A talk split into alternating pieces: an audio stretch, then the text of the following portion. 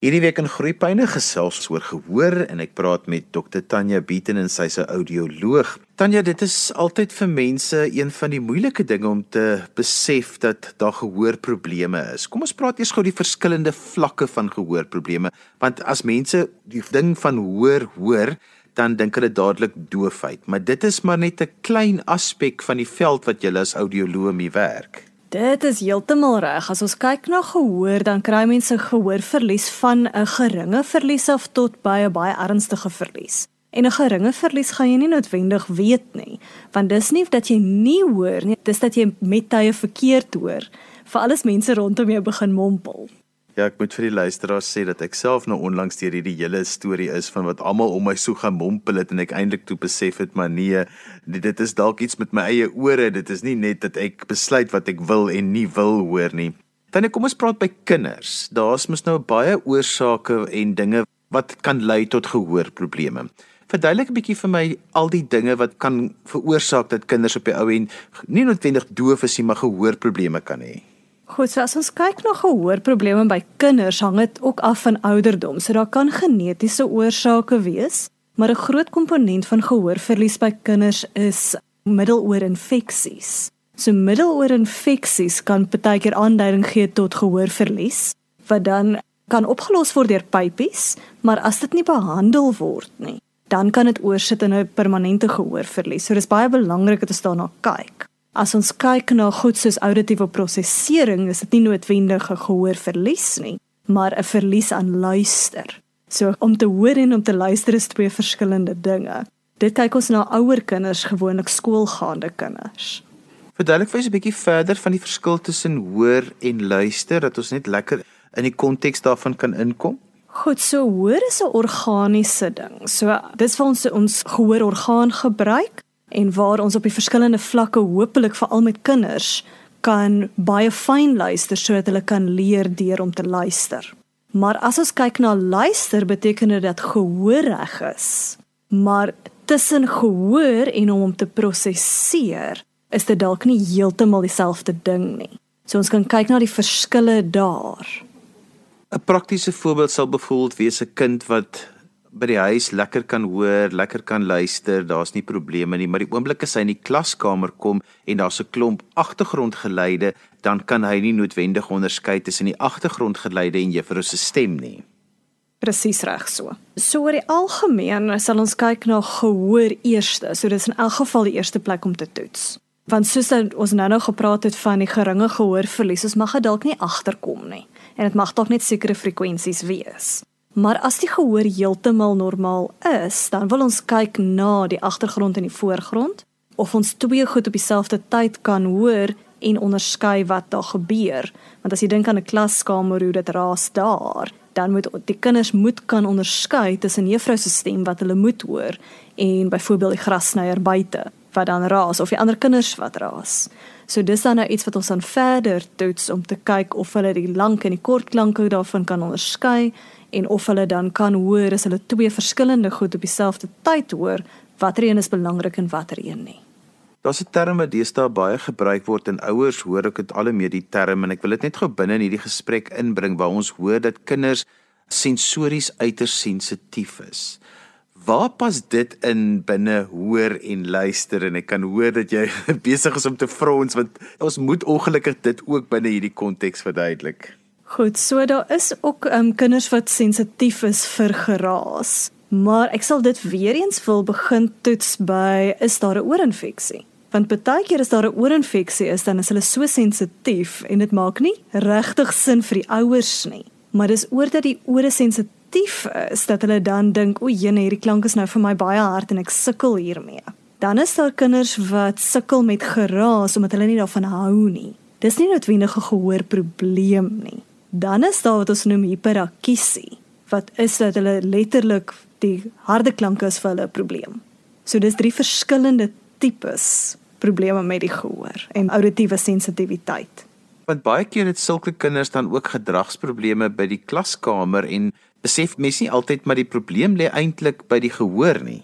Dis definitief die geval en weer eens sal ek wil begin met gehoor toets omdat indien daar selfs 'n geringe gehoorverlies is, As hulle dan nie kan mooi hoor nie, dan mag hulle dalk besluit maar goed, dan gaan ek nou stout wees, dan hoef ek nie te hoor nie. Kom ons vat die scenario die spraakterapeut of die arbeidsterapeut by die skool of selfs juffrou of uh, die opvoedkundige sielkundige het gesê, weet jy, ek dink ons moet jou kind se ore laat toets.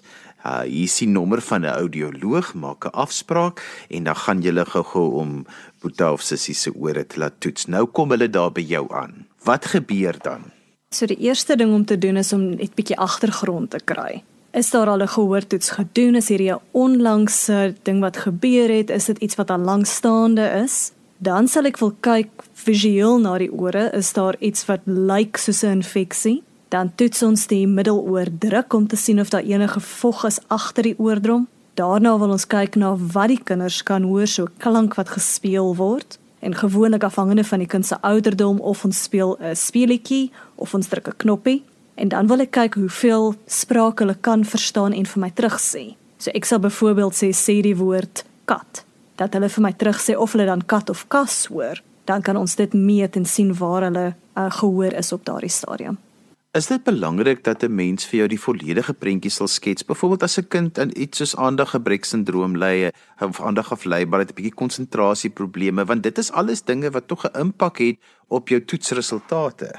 Dit is belangrik om dit te hoor, maar mens stel dit tog vinnig op gedurende 'n toets. Nou daar is toetse wat meerderheid van die kinders vir ons kan doen sodat hulle kan vir ons sê soos 'n subjektiewe toets of hulle dit kan hoor of nie daar is ook objektiewe toetse wat hulle dan nie nodig het om vir ons inligting te gee nie, maar wat ons dan kan toets sonder om hulle meer samewerking te hê. Nou jy klaar die toets gedoen, mamma en uh, pappa en die kind sit nou daar by jou. Uh, jy het nou klaar al die toetsies gedoen en hulle is nou deur die hele ding. Jy het op jou papiertjies gemerk. Wat gebeur dan? Dan sal ek graag wil verduidelik presies wat gebeur. So ek begin deur om vir hulle te verduidelik dis die stelsel, dis die gehoor werk en dan met gewoonlik met prentjies want dit maak vir my en vir almal anderster sin hoe dit dan deur die klank deur trek. Wat ons gekry het is dit binne normale perke al dan nie. En indien dit nie is nie wat ons nou kan doen. As daar dan 'n probleem sê net maar opgetel word met voorgrond agtergrond of daar is 'n sensitiwiteit by die ore of sulke tipe goeters is dit dan iets waarmee jy werk? Watter opsies het 'n mens dan na of wat gebeur hier nadat hulle nou jy nou eintlik basies dit gekarteer het wat die probleem is. Wel dit hang nou regtig af van waar die probleem lê. En dan kan ons na die verskillende opsies kyk. Indien dit vog in die middeloor is, gaan ons na oorneus en keelarts toe. Baie keer is dit dan pypies daarna. Dit laat ons die oorneus en keelarts besluit. Indien daar 'n gehoorverlies is, dan kyk ons na gehoorapparate. Indien daar sou dan 'n auditiewe prosesseringsprobleem is, dan kyk ons of na 'n FM-stelsel of ons kyk na spraakterapie of ons kyk na programme wat die kinders kan help afhangende van waar die probleem lê met die prosesering. So dis hoekom dit nogal 'n moeilike een is om te om so te vertel. Maar ons kyk na elke kind individueel. So dis baie moeilik om te sê dis die oplossing. My gas vandag is Dr Tanya Beaton en ons praat oor audiologie, ore van kinders en wat moet ouers en versorgers daarvan weet Tanya, ek toe ek nou by die oorspesialis was wat nou vir my mooi die operasie op my ore gaan doen, toe sê hy vir my 'n mens moet jou ore baie mooi versorg want 'n mens se ore is verskriklike sensitiewe organe en 'n mens moet vir jou kinders eintlik van kleins af leer hoe om na hulle ore te kyk. Wat beteken dit spesifiek? So twee goed regtig is om jou ore te beskerm wanneer daar harde geraas is, om vir die kinders te leer hoe om nie na harde musiek te luister nie en indien mens goed doen soos kom ons sê na skietbaan toe gaan om oorbeskermers te dra, dan aan die ander kant om nie oorstokkies te gebruik nie. So om nie die was te probeer uithaal met oorstokkies nie, want dit kan baie keer groot probleme veroorsaak. Nou, hoe maak ek dan my kind se ore skoon? Want ek het nog steeds my maat altyd ons met 'n waslap skoon gemaak en as dit nog steeds dink ek het ek trauma daarvan oorgehou. Hoe maak ek aan my kind se ore skoon? Die waslap is die beste plan. Want niks kleiner as jou elmboog moet in jou oor gaan nie en as jy dit probeer het, dan gaan jy weet dit werk nie. So ore maak eintlik hulle self skoon. So dis eintlik iets wat mens net aan die buitekant afvee en los. Anderster kan mens die was eintlik verder instoot eerder as om uit te haal. Is dit baie algemeen dat kinders wel met uh, te veel was in hulle ore sit en dat 'n mens dit moet laat verwyder of is dit iets wat meestal maar net by volwassenes voorkom? Dit gebeur partykeer. Dis meerderheid by volwassenes, maar omdat kinders lief is daarvoor om goed in ore te druk, so of dit 'n smart is en of dit 'n jelly tot is, mag dit nie noodwendig was wees nie, maar iets anders wat in die oor beland het en daarom kan dit was rondom dit vorm omdat die oor homself probeer beskerm. Ons het net ook gepraat oor die versorging van ore na nie na harde musiek luister nie, al die tipe goeters, maar uh, harde klanke is maar deel van die kinders. Die kinders word in 'n raserige wêreld groot. So dis moeilik vir ouers om eintlik dit te beheer. Mens kan beheer wat jou kind eet, jy kan jou kind laat oefening doen, al die goed, maar wat hy hoor is een van die moeilikste goed wat eintlik is om te beheer. Dit kan definitief moeilik wees. Dit gaan maar net daaroor om nie oorfone te hard te laat speel nie, om nie die TV te hard te sit nie. En as mens dan iets doen soos kom ons sê skuifskiet by die skool om maar altyd die gehoorbeskermer te dra. Wat is die tekens waarna 'n mens moet uitkyk by die huis van kleintyd af om te besef maar miskien moet ek tog my kind se ore laat toets? En is dit 'n goeie idee en wanneer om jou kind se ore maar altyd te laat toets want dit is maar iets wat mens baie keer net nie optel nie doodreg. So soos mens kyk by die huis, sal ek sê as 'n kind begin vra vir herhaling, sê, "Ha? Wat? Sê weer?" of nie opdragte uitvoer nie, dan is dit 'n goeie idee om te toets in elk geval. En ek sal in elk geval eerder toets en sê alles is reg eerder as om iets te los en dit word later 'n probleem. Nou dit is 'n goeie idee om met geboorte al 'n kind se gehoor te toets. So ons kan hulle toets van omtrent 2 dae af. Ons kan vroeër toets, maar 2 dae is 'n goeie tyd. En dan weet mens ook dat dis 'n basislyn. So dan kan ons daai kinders klaar help indien daar 'n probleem is. En dan op enige stadium daarna, op 1 jaar is 'n goeie tyd want dis wanneer hulle moet begin praat. So dan weet ons indien daar 'n probleem is, daarom hulle vroegtydig te begin help en oplossings te soek. En indien hulle dan probleme het om te praat, indien die woordeskat nie groot genoeg is nie of hulle sukkel met woorde, is dit 'n goeie idee om weer eens gehoor te toets. En so gehoortoets gaan presies die een wees soos wat jy net nou vir ons deurgevat het. Alles hulle ook van babietjie. Hoe toets jy 'n babietjie se gehoor? So ons gebruik twee verskillende toetse, 'n objektiewe toets vir babietjies. Dit is 'n oto-akoestiese emissie wat 'n proppies in die oor gesit word wat dan meet hoe die kinders hoor, as ook 'n breinstam toets wat iets is wat ons aan verder sal toets indien dit nodig is, wat dan breingolwe gebruik om te meet hoe die gehoor is en op watter plek 'n kind mooi kan hoor. Kan 'n byvoorbeeld 'n kind se gehoor is heel goed sê nou maar tot hy so so na die hoërskool toe gaan of hy sy gehoor is goed en hy begin skielik 'n student word en dan skielik moet hy al hoe meer begin sy kop draai om te hoor. Is daar sekere goeters wat jonger mense of kinders tref wat nie noodwendig so maklik by ouer mense is nie waarvoor 'n mens nogal bedag op moet wees as ouers?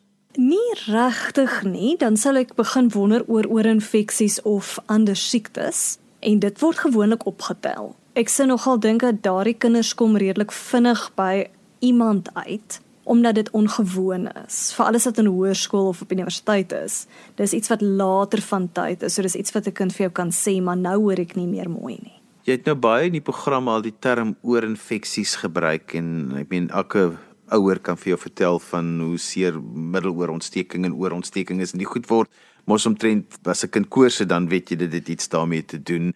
Wat presies beteken dit en hoe moet 'n mens as ouer bedag wees mens my kind het baie keer oorontsteking gehad en dat dit dalk 'n gehoorprobleem kan later veroorsaak? Dis 'n goeie idee om as daar baie oorinfeksies is om met jou pediater en of jou algemene praktisyn te praat om te kyk na die oorinfeksies as ons kyk na of oorinfeksies of vog in die middeloorspasie, die groot ding daaromtrent is dat dit die gehoor kan beïnvloed en alternatiefelik ook dat dit die gesondheid van die oor kan beïnvloed. So dis 'n goeie idee om met jou algemene praktisyn of met jou pediater te praat daaroor. Net geso 'n laaste vraag, so wanneer word 'n kind na audioloog toe verwys? Wat is die redes hoekom hulle gewoonlik na julle verwys word? Gehoor So oor die algemeen is dit of 'n kind wat nie mooi praat nie, wat ons net eers wil seker maak dat die gehoor reg is voordat hulle gaan na kom ons sê spraakterapeute, wanneer die woordeskat nie goed is nie, of wanneer 'n pediater dink ons moet kyk na die gehoor want dit is die maklikste om te toets. of juffrou by die skool sê maar die kind hoor dalk nie mooi nie. Met babetjies kan dit ook baie keer wees dat die ouers sê maar die kind skrik nie vaardig geraas nie. So dan is dit wanneer hulle by 'n audioloog uitkom. Ek neem aan met moderne tegnologie is daar nogal baie maniere hoe om 'n kind te help wat met gehoorprobleme sit en wat selfs met voorgrond-agtergrondprobleme sit. Wat is die opsies daar? Daar's definitief baie hulpmiddels daar buite en dit gaan regtig afhang van die kind wat inkom. So as ons kyk na gehoorverlies, kan ons kyk na baie tipes verskillende apparate en ons kan kyk wat vir die beste is vir daardie kind. As ons kyk na 'n voorgrond-agtergrond, kyk ons na 'n FM-stelsel of wat hulle noem 'n Rogers-stelsel wat dan help om die juffrou se stem byvoorbeeld uit te lig en die agtergrond effens sagter te maak.